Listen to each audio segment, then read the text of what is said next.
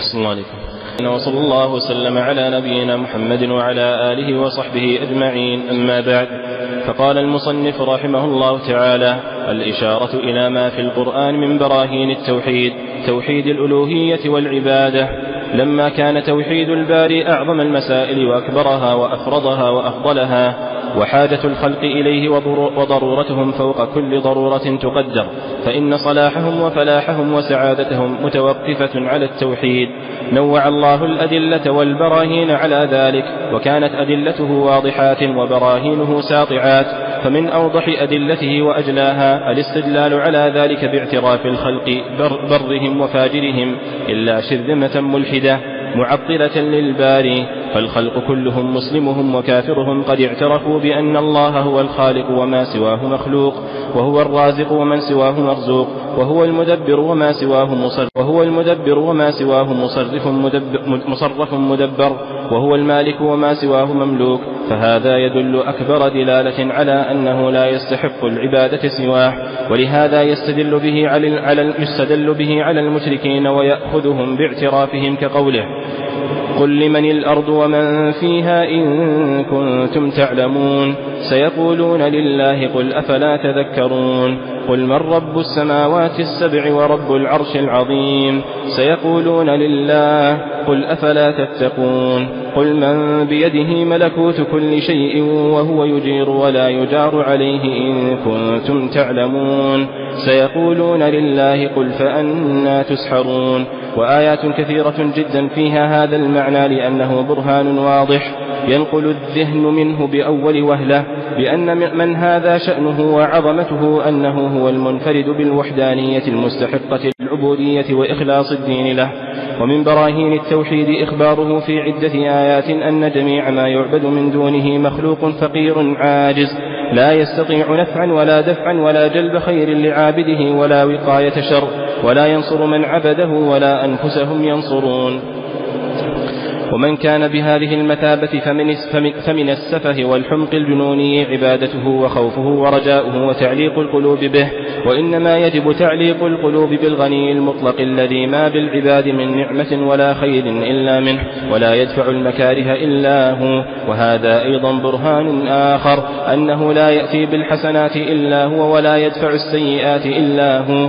وهو الذي يجيب المضطرين وينقذ المكروبين ويكشف السوء عن المضطهدين. وهو الذي جعل لعباده الأرض قرارا وأجرى لهم فيها أنهارا وجعلها مهادا مهيئة لجميع مصالحهم ومنافعهم. وأنزل من السماء ماء فأنبت به حبا ونباتا وجنات ألفافا. وأنبت به حبا وعنبا وقضبا وزيتونا ونخلا وحدائق غلبا وفاكهة وأبا. متاعا لكم ولأنعامكم. وهو الذي يطعم عباده ويسقيهم وإذا مرضوا يشفيهم. وهو الذي يحيي ويميت وإذا قضى أمرا قال له كن فيكون وهو الذي يطعم ولا يطعم ويجير ولا يجار عليه ويغيث ولا يغاث وهو الذي خلق الإنسان وعلمه الكتابة والبيان وعلم القرآن. وجعل الشمس والقمر والكواكب للمصالح المتنوعة والحسبان والسماء رفعها ووضع الميزان وأمر عباده أن يسلكوا طريق العدل ولا يطغوا في الميزان وهو الذي مرج البحرين هذا عذب فرات سائغ شرابه وهذا ملح أجاج ومن كل ما ومن كل تأكلون لحما طريا وتستخرجون منه حلية تلبس تلبسونها وترى الفلك فيه مواخر لتبتغوا من فضله ولعلكم تشكرون. وهو الذي سخر لعباده جميع ما في السماوات والأرض وأسبغ عليهم نعمه الظاهرة والباطنة وآتاهم من كل ما سألوه بلسان المقال ولسان الحال وهو الذي جعل لهم الليل لباسا والنهار معاشا ومن رحمته جعل لكم الليل والنهار لتسكنوا فيه ولتبتغوا من فضله ولعلكم تشكرون وهو الذي خلق من الماء بشرا فجعله نسبا وصهرا وجعلهم شعوبا وقبائل ليتعارفوا وهو الذي جعل لهم السمع والأبصار والأفئدة والقوى الظاهرة والباطنة وهو الذي جعل لكم النجوم لتهتدوا بها في ظلمات البر والبحر وهو الذي بيده الملك والحمد. وبيده الخير ويعز ويذل ويعطي ويمنع ويقبض ويبسط وهو الذي يبدأ الخلق ثم يعيده وهو أهون عليه وله المثل الأعلى وهو الذي جعل لعباده الأنعام فمنها ركوبهم ومنها يأكلون ولهم فيها منافع ومشارب وتحمل أثقالهم إلى بلد لم يكونوا بالغيه إلا بشق الأنفس والخيل والبغال والحمير لتركبوها وزينة ويخلق ما لا تعلمون وهو الذي أوحى إلى النحل أن اتخذي من الجبال بيوتا ومن الشجر ومما يعرشون الآيات. وهو الذي خلق لكم من أنفسكم أزواجا وجعل لكم من أزواجكم بنين وحفدة ورزقكم من الطيبات. وهو الذي جعل لكم من بيوتكم سكنا وجعل لكم من جلود الأنعام بيوتا تستخفونها يوم ضعنكم ويوم إقامتكم ومن أصوافها وأوبارها وأشعارها أثاثا ومتاعا إلى حين وهو الذي خلق لكم من الجبال أكنانا وجعل لكم لباسا يواري سوآتكم وريشا تتزينون به وهو الذي جعل لكم المساكن كفاة أحياء في الدور وأمواتا في القبور. ألم نجعل له عينين ولسانا وشفتين وهديناه النجدين ألم نخلقكم من ماء مهين. فجعلناه في قرار مكين إلى قدر معلوم فقدرنا فنعم القادرون. ألم يتفضل بما هو أعظم من ذلك بالنعم الدينية والأخروية التي هي السبب في السعادة الأبدية؟ ألم يمن على المؤمنين بالإسلام, بالإسلام والإيمان ويبعث فيهم رسولا يتلو عليهم آياته ويزكيهم ويعلمهم الكتاب والحكمة ويزكيهم ويعلمهم ما لم يكونوا يعلمون؟ ألم يوضح لهم الصراط المستقيم ويكمل لهم الدين ويمن عليهم بالهداية التامة هداية التعليم والتفهيم والإرشاد وهداية التوفيق والعمل والانقياد. ألم يخرجهم من ظلمات الجهل إلى نور العلم ومن ظلمات الكفر إلى نور الإيمان ومن ظلمات المعاصي إلى نور الطاعة ومن ظلمات الغفلة إلى نور الإنابة إليه وذكره. ألم ييسرهم لليسرى ويجنبهم العسرى. ألم يحبب إليهم الإيمان ويزينه في قلوبهم ويكره إليهم الكفر والفسوق والعصيان. ويجعلهم من الراشدين فضلا منه ونعمة. والله عليم حكيم. ألم يعصمهم من موبقات الآثام ويحفظهم من, من فتن الشكوك والشبهات والأوهام؟ ألم يفتح لهم أبواب التوبة والرحمة ويأمرهم بالأسباب التي يدركون بها رحمته وينجون بها من عقابه؟ ألم يجعل الحسنة بعشر أمثالها إلى سبعمائة ضعف إلى أضعاف كثيرة والسيئة بواحدة؟ ومآلها العفو والصفح, والصفح والغفران وهو الذي يقبل التوبة عن عباده ويعفو عن السيئات ويأخذ الصدقات وأن الله هو التواب الرحيم. قل يا عبادي الذين أسرفوا على أنفسهم لا تقنطوا من رحمة الله إن الله يغفر الذنوب جميعا إنه هو الغفور الرحيم. وإني لغفار لمن تاب وآمن وعمل صالحا ثم اهتدى. ألم يكن جانب فضله وكرمه ورحمته في جميع الأمور سابقا وغالبا؟ إن رحمتي سبقت غضبي وفي لفظ غلبت فللرحمة فللرحمة السبق والإحاطة والسعة ولها الغلبة بحيث يضمحل معها أسباب العقوبة كما تقدم في الحسنات والسيئات. وإن العبد لو أفنى عمره في المعاصي ثم في ساعة واحدة قبل أن يغرغر تاب وأناب غفر له كل ذلك وأبدل سيئاته حسنات.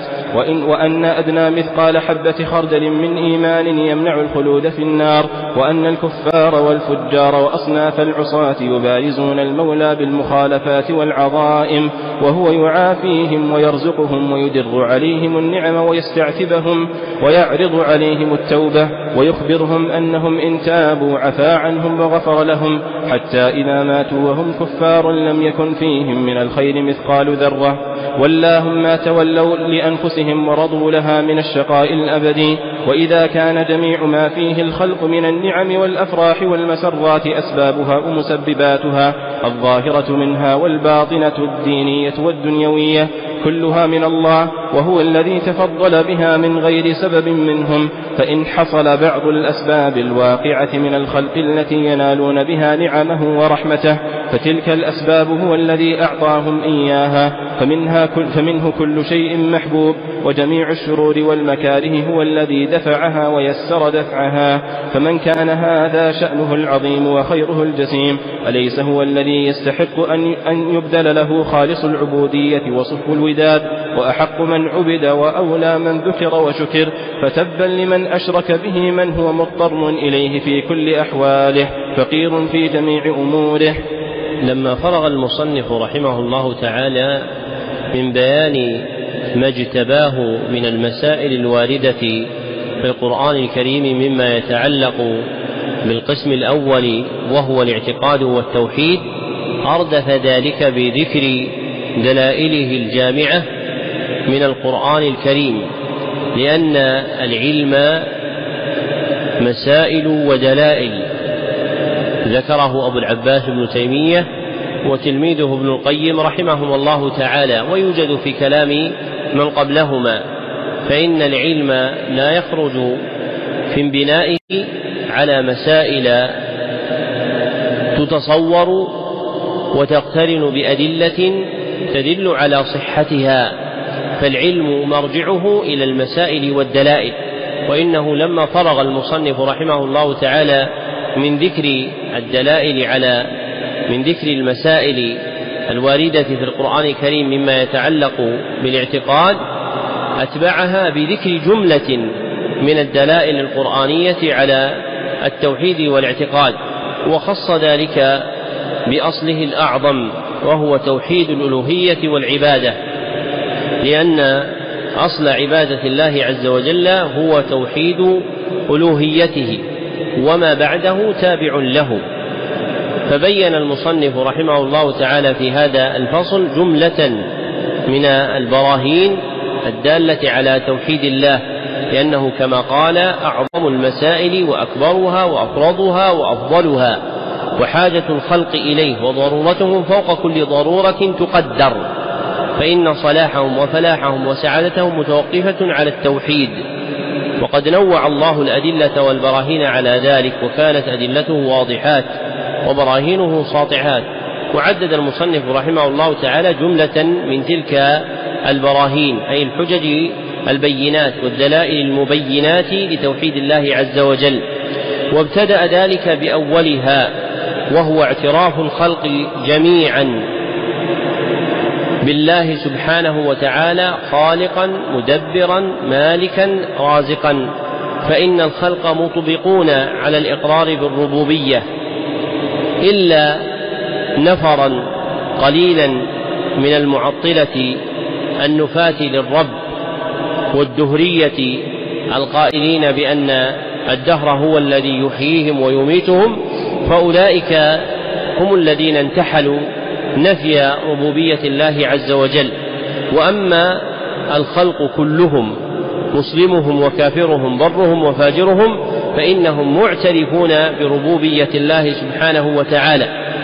ولهذا استفاض في القرآن الاستدلال بتوحيد الربوبية على توحيد الألوهية كما في الآيات من سورة المؤمنون التي ذكرها المصنف رحمه الله تعالى. فإنه ذكر فيها أفرادا من الربوبية كلها يقول فيها الخلق سيقولون لله. وهذا إقرار منهم بربوبية الله عز وجل. ولكون هذا الإقرار فطريا قل إنكاره جعل في القرآن الكريم من أعظم المشارع والمصاعد التي تثبت بها الألوهية. وقد ذكر ابن الوزير في ترجيح أساليب القرآن على أساليب اليونان عن صاحب كتاب مذاهب السلف ولم يسمه ولم أعرفه أن في القرآن خمسمائة آية كلها تدل على الربوبية. وإنما ملئ القرآن بهذا لما فيه من تقرير المشركين وتبكيتهم فيما أنكروه من ألوهية الله عز وجل. فإن حقيقة الإقرار بالربوبية يقتضي الإقرار بالألوهية.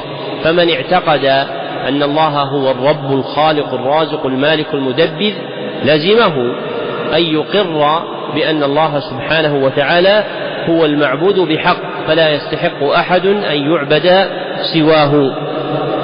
ثم ذكر برهانا آخر من براهين التوحيد وهو إخباره سبحانه وتعالى في عدة آيات أن جميع ما يعبد من دونه مخلوق فقير عاجز لا يستطيع نفعا ولا دفعا ولا جلب خير لعابده ولا وقاية شر.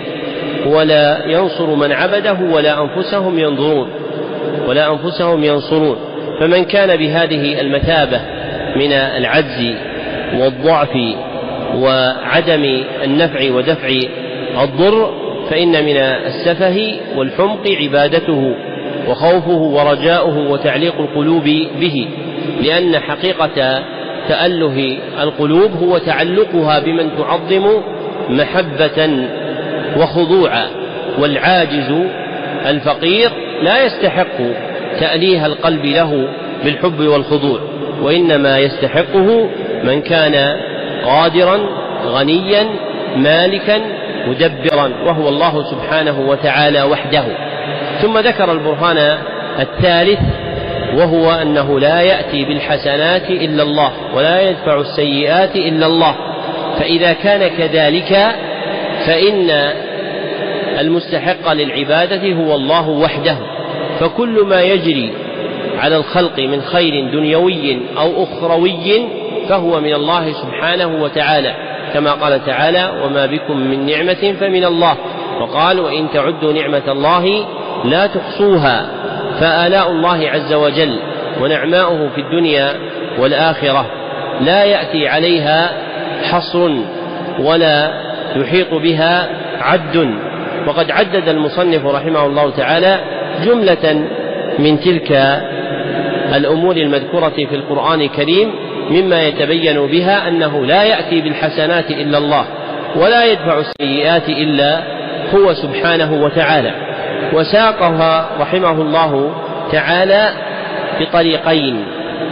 أحدهما سياق الإثبات.